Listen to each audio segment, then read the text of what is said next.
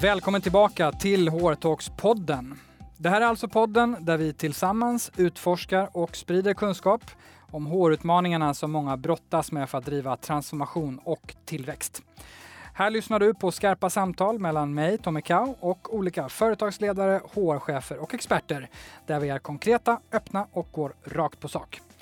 Podden möjliggörs av vårt samarbete med Edge, det digitala HR-företaget som hjälper oss att ge dig extra värde i form av kunskap, rabatt på digitala produkter och ett extra långt gratis prova på-erbjudande. Läs gärna mer på edgehr.se hrtalks. Ja, I dagens avsnitt pratar vi om senaste årens transformation och förändringsarbete på Svenska Spel, från HR-chefsstolen. Vi pratar om resan, om utmaningarna och om tillvägagångssättet för att omvandla det tidigare spelmonopolet till en marknad med full konkurrens, mer techfokus och nya krav. Vi kommer att djupdyka i kultur, struktur och varför denna förflyttning inte liknat någon av de förändringsresor vår gäst tidigare genomfört. Och såklart hur det faktiskt var att komma från den stekheta techsektorn in i statliga bolagsvärlden. Och självfallet berör vi också hur det är att idag vara HR-direktör mitt i coronakrisen. Dagens gäst är en tungviktare inom HR-världen. Hon har över 20 års erfarenhet från HR och förändringsarbete och varit HR-ledare inom både snabbväxande tillväxtbolag och etablerade storföretag. Hon har bland annat varit HR-direktör på techbolagen Evolution Gaming och NetEnt, på stålföretaget Outokumpu och fintech-utmanaren Nordnet innan hon 2016 alltså blev CHRO på Svenska Spel. Hon heter såklart Maria Z Furenmo och nu drar vi igång dagens skarpa samtal.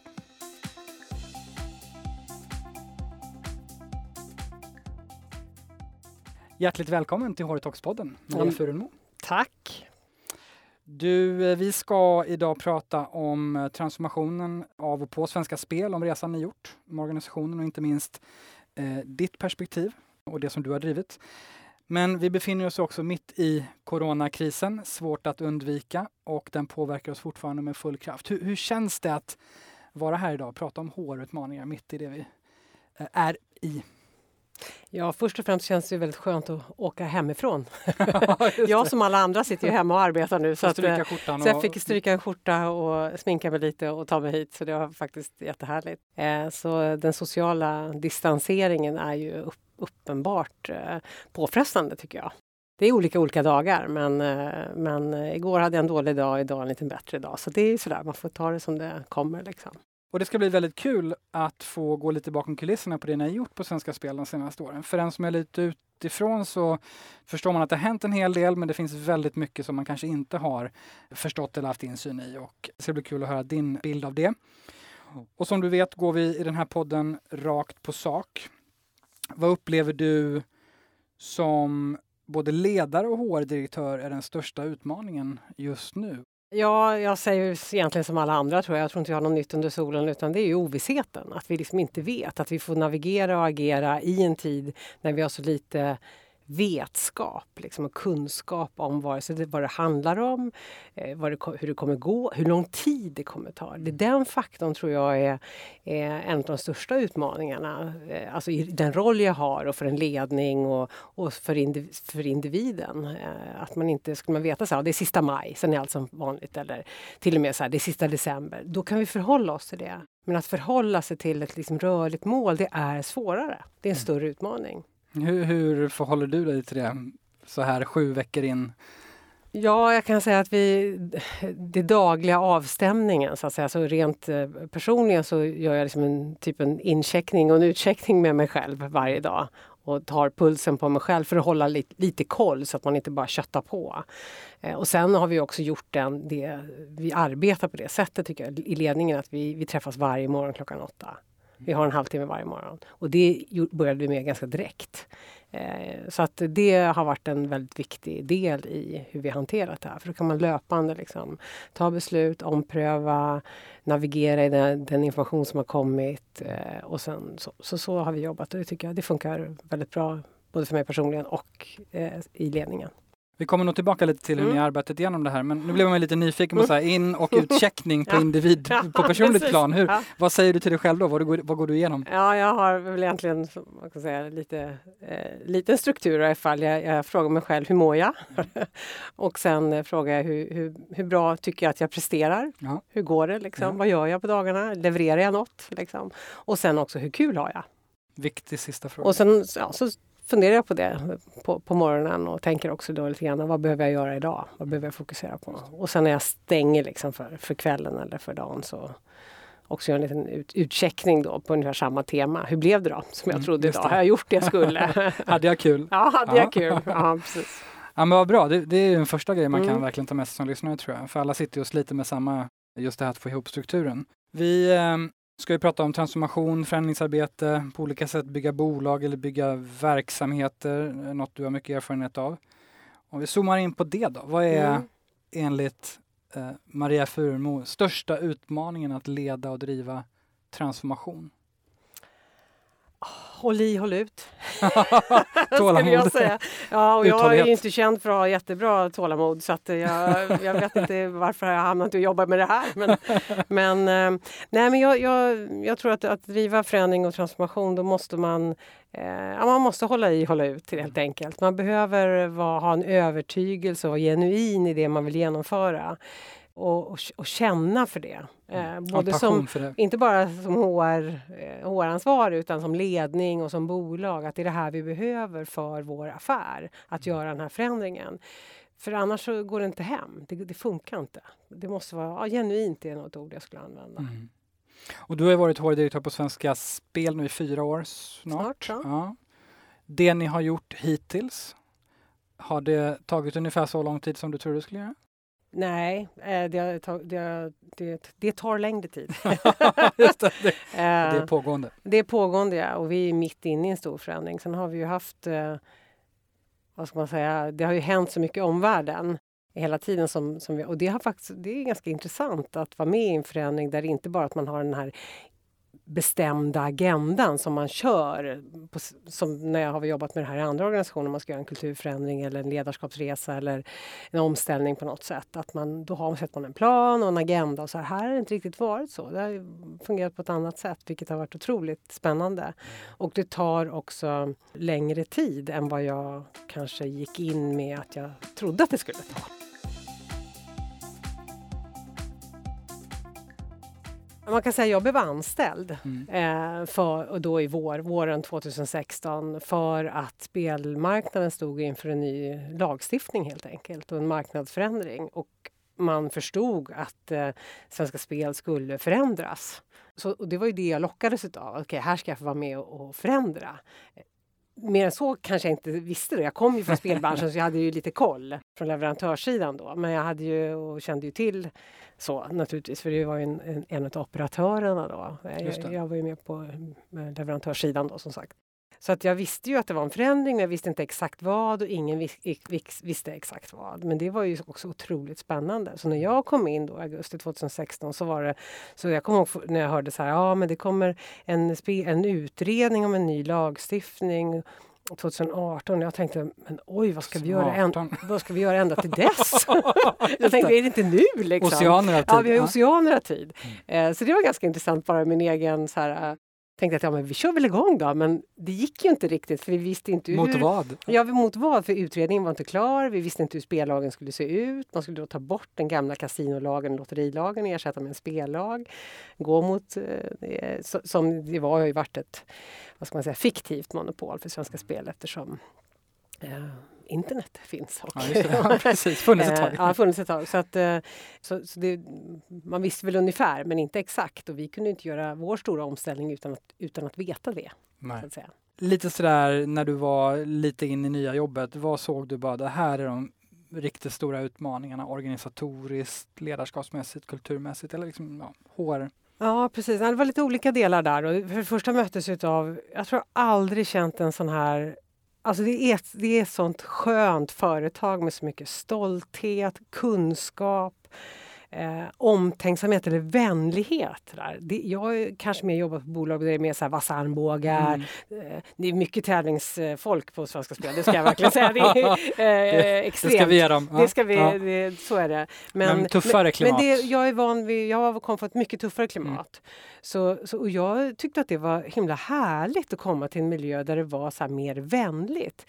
Men baksidan det var ju också att kanske att det kändes som lite ängsligt sådär. Mm. Pratar man klarspråk med varann eller blir det så lite politik? Så det började jag nosa på. Det Långsamt?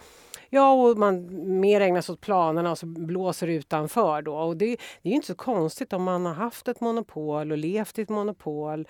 Då behöver man faktiskt inte fundera så mycket på om det blåser där ute, utan det rullar ju på. Och eh, det är klart att den kulturen fanns fanns ju lite kvar fast det, var, det var, konkurrens eh, ändå. Det, det, mm. det var det ju. Och om inte annat så är det inte om konkurrens om spel utan konkurrens om människors tid. Så det tycker jag var själva kulturdelen. Och, och sen, men sen det jag faktiskt kanske reagerade, inte mest på, det är väl lite överdrivet, men, men det är ju också att det var, kändes ganska hierarkiskt och så här byråkratiskt och chefen bestämde och HR upplevde jag var lite som en så polisfunktion mm. mera än, och så inte jag, inte jag van att jobba utan mer som en partner och mer proaktivt. Och, och så här. här tyckte jag att det var mer reaktivt, mm. kontroll, både från chefen och HR.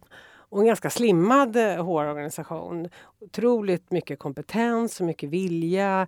gjordes liksom inga fel. Du vet men ganska lite liksom runt omkring mm. i att bygga och jobba proaktivt och jobba med engagemang, ledarskap och det på ett mer, på ett liksom mer eh, förstås för att det är viktigt för affären och mm. synsättet på HR upplevde vi, jag var inte van vid det. Att man så här, här kommer HR-direktören och så är det, något, är det någonting hemskt på gång? Jag kände oj, nej men jag, det är bara jag som kommer här. Så, här. Eh, så det, det, det, tycker jag var det pratade jag mycket med mitt team om då när jag kom in och började liksom, mm.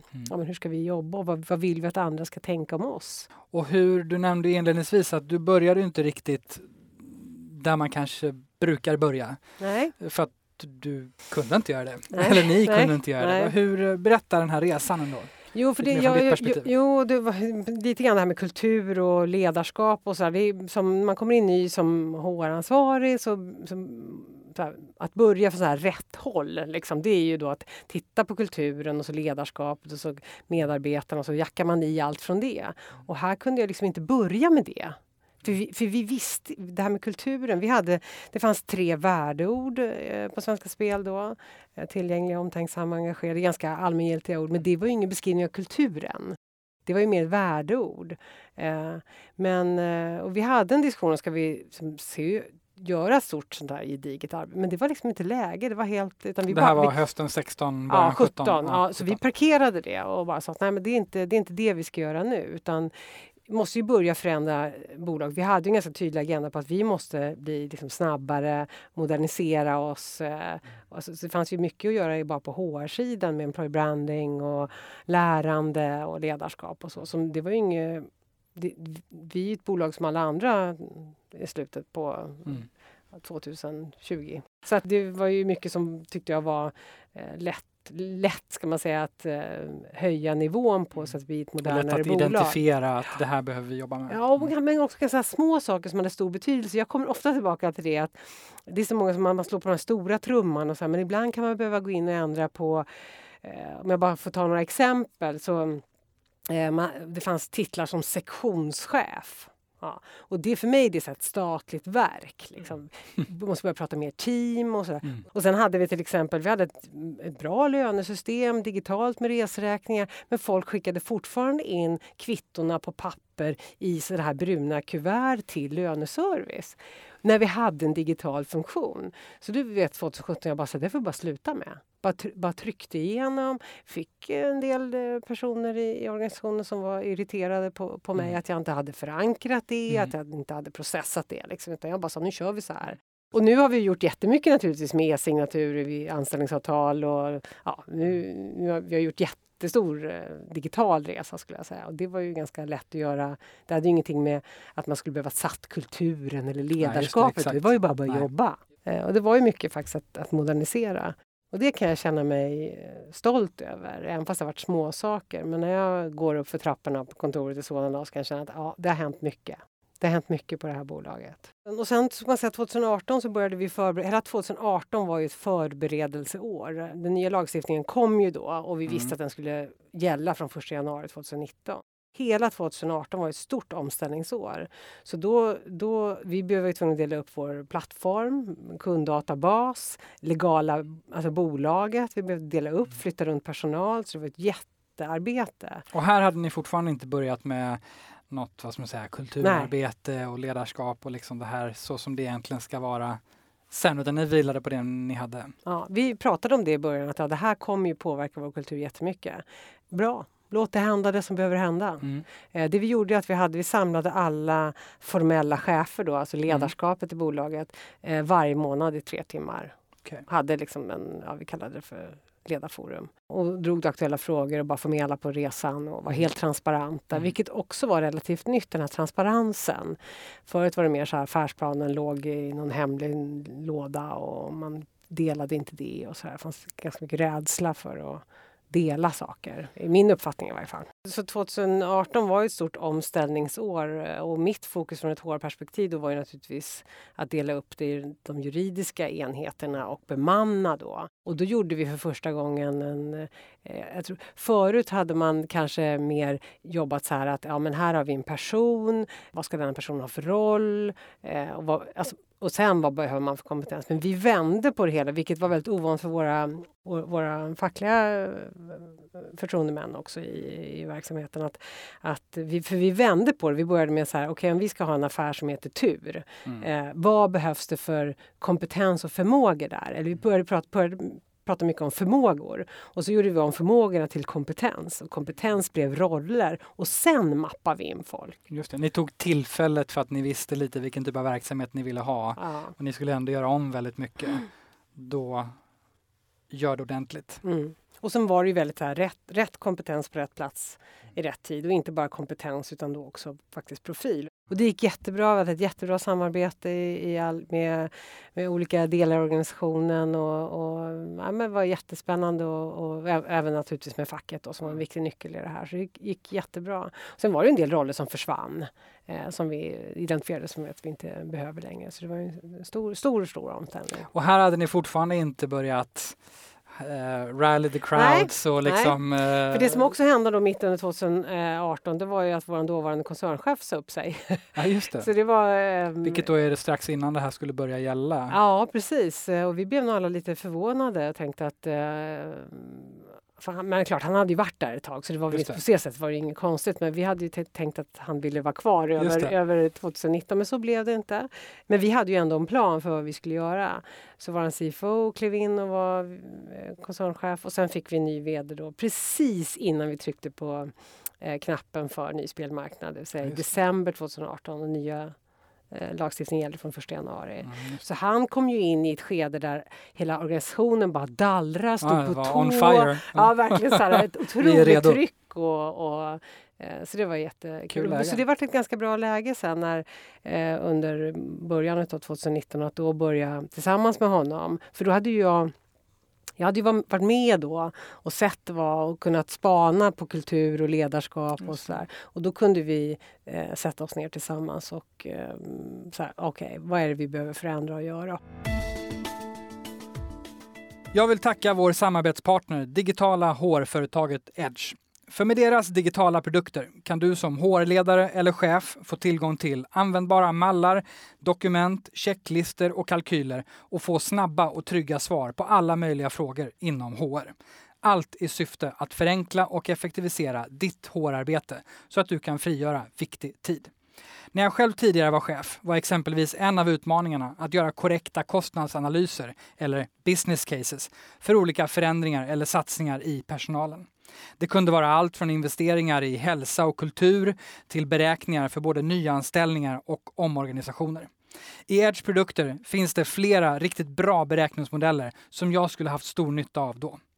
Så missa inte att gå in och kika på Edge produkter som nu via HRtox-podden kan fås med 15% rabatt eller testas i två veckor helt kostnadsfritt. Så kika direkt på edgehr.se hårtalks. Jag tänker att om man får gå två år sådär och eh, klämma och känna lite på organisationen. ja. Ja. men det, det, det, kan, det måste finnas mycket Mm. fördelar med det. Mm. Men då tänker jag spontant att fram tills dess att han kom in eh, så var det liksom fokus på varför och vad. Mm. Och sen blev det liksom fokus på huret.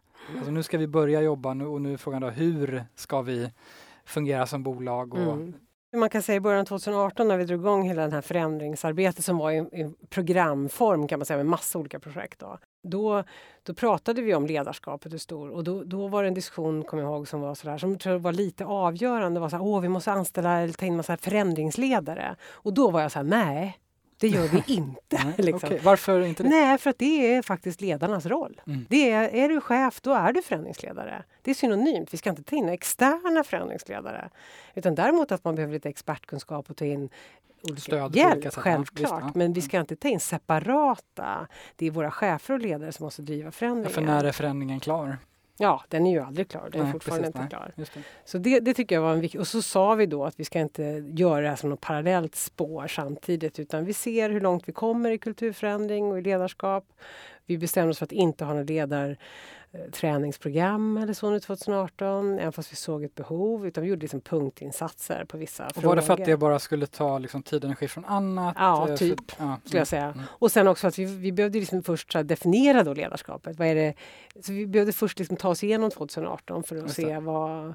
Eh, och sen är det också vissa chefer som steppade upp och, Mm. och vissa som bara sa nej, jag vill inte vara med här Nej, längre. nej. För nu blir Det här det är inte min resa. Nej, det är inte min resa. Och det, vi hade många bra sådana diskussioner eh, där man tog ansvar för själv vad man tyckte och ville framöver. Så det var jättebra. Ja, det känns som en väldigt, precis som med kompetens där, vem sitter på vilken roll, så känns det som det var liksom en tydlig, tydligt val Mm. för alla. Mm. eh, att nu blir vi det här. Mm. Ska jag vara med på det eller inte? Och väl så här, vill du vara med nu så, Ja, så, så kör vi liksom. Eh, och de flesta vill ju det. Så att, eh, men det, jag tycker man har lyckats i sitt budskap när några så här sträcker upp handen och säger så här, "Nej, jag vill inte vara med här längre. Sen eh, kommer vi in i 2019. Mm. Din chef då, er vd, kom på plats och Mm. ni började jobba mer med Precis, och då hade jag ju hört så mycket om så här, ja det är så olika på kasinot mot i, i på så här gamla Svenska Spel, om man ska säga, eller Svenska Mm. Speldelen då. Och det är som skillnad i Visby kontra i Solna och det är så olika kultur på IT jämfört mot på sälj och så här. Så tänkte jag så här, ja det, ja, det är ju svårt att veta. Alltså. Så, så för första gången så så, så gjorde vi en ordentlig, alltså jag har inte gjort det tidigare på det sättet, så jag, säga, jag var lite så här, ska vi verkligen göra det här? Men vi gjorde en super supergedigen inventering. För jag tänkte så här, jag kan inte av kulturen. av kulturen. Jag kan inte komma och säga så här, äh, det, är nog, det, det är nu ungefär detsamma. Utan jag vill kunna säga, så här är det. det, här, det. Så här säger vi att det är. Och då, så då, då, tog, då tog jag faktiskt en hjälp och så gjorde vi en enkät till alla medarbetare. Och vi gjorde gruppintervjuer på alla orter. Vi samlade våra, våra ledare och våra ledningsgrupper och hade liksom olika typer av workshops. Under Q1 2019 så la vi ner ganska mycket tid och pengar på att verkligen göra en inventering. Och då använde vi oss av den här eh, Harvard Business Review-modellen med olika kulturstilar. Ehm, och, och som kunde mappa in mot den, för vi tänkte att vi behövde ha någonting att luta oss mot. Hänga upp det på så att folk förstår. Att, ja, precis. Mm. Och utan att det skulle bli för teoretiskt. För jag ville ju också att det skulle vara lite så här lätt, inte Mm. för tungt. Ja, liksom. Eh, så den modellen var väldigt bra. Och då, då visade det sig, och parallellt med, det här höll ju på då fram till april ungefär när vi eh, med kulturinventering. Men parallellt med det så började vi i koncernledningen att baserat på liksom nya, nya förutsättningar, ny lagstiftning, ny marknadssituation. Hur behöver vi vara? Alltså hur ser vårt imorgon ut? Utan att vi visste idag. Och det var först lite så här, flera i koncernledningen sa, men vi måste, hur är vi idag? Men det var så här, Och du menar, in, de ville, många ville ha kulturmätningen klar först? först, Mm, innan vi skulle... det. Och, och det var så här, medvetet eh, gjorde jag det så att nej men strunta i det idag. Nej. Fundera bara helt fritt. Hur behöver vi agera? Hur behöver vi vara som organisation, som medarbetare, som, eh, i, i vår affär och i vårt, eh, vårt sätt att, att agera på marknaden? Och det gjorde vi. Och vi liksom workshoppade fram det då vid ett antal in. Det låter så omständigt att säga att man workshoppade fram det, men det, var, det behövde liksom en iterativ process nästan. Sådär. Så vi definierade vårt imorgon, som vi kallar det för. Hur behöver vi vara imorgon? Eh, så här behöver vi vara. Och, eh, och sen så fick vi då idag läget som det, vi kallade det för då. Och så kunde vi väldigt tydligt se vilken förflyttning vi behövde göra. Och när vi använde den där modellen så blev det väldigt tydligt att för i dagläget handlade det väldigt mycket om att det var mycket ordning och reda, säkerhet, eh, eh liksom rätt och riktigt eh, och sådär. Eh, och, och, vi behövde göra en förflyttning som vi definierade mot mer lärande och prestation eh, som låg liksom uppe i andra hörnan där. Men vi, får, vi ska naturligtvis inte lämna ordning och reda och säkerhet och omtänksamhet och så, för det är stora delar i vårt, i vårt DNA och en viktig del i vår bransch och den roll mm. vi har ändå och som vi har fått av vår ägare, staten.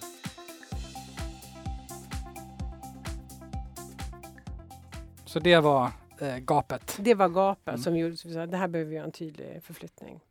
Så det blev väl klart och kan man säga väldigt tydligt så här, eh, mm. i eh, ja, förra sommaren. Och sen eh, har vi, och då har vi jobbat, vi hade det här i morgonläget och hur vi skulle definiera oss. Så hade vi vi involverade ju också våra medarbetare i liksom själva formuleringarna av det, eh, vilket var väldigt kul. Vi hade såna här typ vernissager i våra matsalar så fick mm. man mhm. komma med input och hur uppfattar man det där ordet och, och, och så ändrade vi och sådär. Så många var väl delaktiga i de, de formuleringar och det vi landade i sen så då, då blir det inte så stor det var inte så, så, svårt då sen. Det var inte så här, nu ska vi ha en stor unreveal liksom och så är det några nya sköna ord utan det, det hoppade vi över. Och sen har vi inte valt heller ord utan vi har valt små meningar. Det var en viktig del att vi inte skulle ha de här enkla orden utan att vi har liksom vi beskriver i, i mindre meningar och då har vi bland mm. annat, om jag ska ta ett exempel, så här, enkelhet i allt vi gör.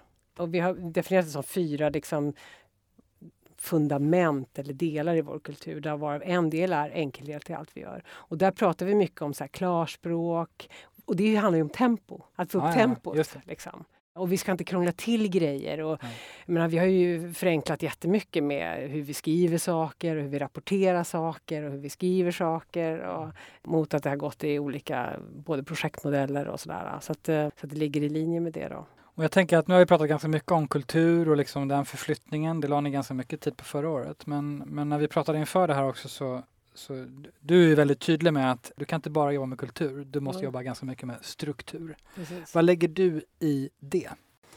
Men struktur är en sån här sak som, som eh, ehm, till exempel hur skriver vi, hur, hur, hur jobbar vi, vår, vad har vi för projektmetod? Liksom? Hur gör budgetprocessen? Hur fyller, man, hur fyller man i en blankett? Eller mm. så här, om man ska ansöka om det. Har vi den här strukturen vi har, eller rapporteringar?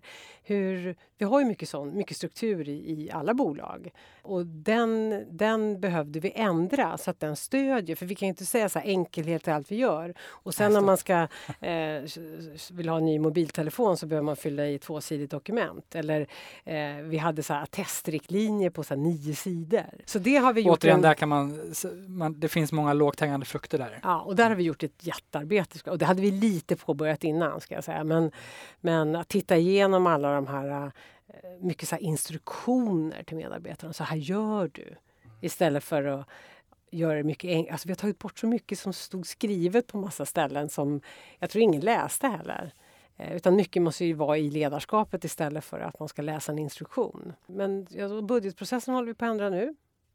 Ta bort budget helt enkelt. Beyond budgeting är det okay. stora strukturella projekt vi är mitt inne i nu. Så, så som statligt stort bolag med 1800 anställda eller hur många ni nu är idag och ingen budget? Vi ska inte ha budget, vi ska jobba med prognoser. Det är lite alla Handelsbanken mm, ja, och många andra bolag. Hur togs det här emot och vems, eh, på vems initiativ kom Nej, det? Det är våran CFO och jag har ja, eh, kuppat. Ja, vi har kuppat här. Vi är ett teamwork mellan oss och det är jätteviktigt. Det här är ingenting som bara en CFO. Det är en stor... Um, så att, att vi går hand i hand i det här är jätteviktigt. För det är en stor beteendeförändring. Det handlar ju väldigt mycket om Ja, är man beteendevetare så kan man ju sin McGregor, ja, teori X och teori Y. Det här är väldigt mycket teori Y, synsätt och mindset. Så, och, och sen att strukturen då, att våra, våran, våra, våran financing jobbar eh, också har inte följer upp på ett sätt så att det blir mer teori X i Just sin det. struktur. Du, om vi skulle summera lite tips till eh, våra kära lyssnare. Om du eh, skulle ge dig på att ge tips på en sak när man driver att göra när man driver transformation och den här typen av förflyttningar som ni har gjort. Vad, vad skulle det vara? Vad ska man ta med sig som lyssnare då? Jag tror nog att man att, att um, ja, men håll i, håll ut är nästan min, min favorit. Den, den håller jag Mantra. själv i ibland när jag behöver. Men uh, ja, en sak, då är det nog håll i, håll ut. Men Mm. annars är det ju så här, inte släppa detaljerna. De är superviktiga. De har ett högt symbolvärde. Så man pratar om, det är inte bara struktur man måste ändra utan även vissa symboler. Det, det tycker jag, inte släppa detaljerna och tänka så här, det är inget viktigt. Den, den tror jag är den. Det kan vara en sån liten sak som ett ordval. Det kvarstår bara att säga stort tack Mm. till dig, Maria Furmo, för att du ville vara med oss i HR Talks-podden. Ett sant nöje och väldigt givande. Mm, tack så mycket för att jag fick komma. Tack! Det var ännu ett skarpt samtal i HR Talks-podden. Stort tack till dig som lyssnat och eh, gillar du podden kan du prenumerera på den i Apple Podcast eller Spotify och följ oss mer än gärna på HR Talks-podden på Instagram och LinkedIn. Jag vill även tacka vår samarbetspartner, digitala HR-företaget Edge, som är med och möjliggör att vi kan utforska och sprida kunskap via den här podden. Kolla gärna in deras rabatt och prova på erbjudande på edgehr.se hrtalks. Hortalkspodden ges ut av Kao Company, produceras av Mediemera och du hittar som vanligt all info på hårtalks.se. Nästa vecka kommer ett nytt färskt avsnitt. Tills dess, ha det bra!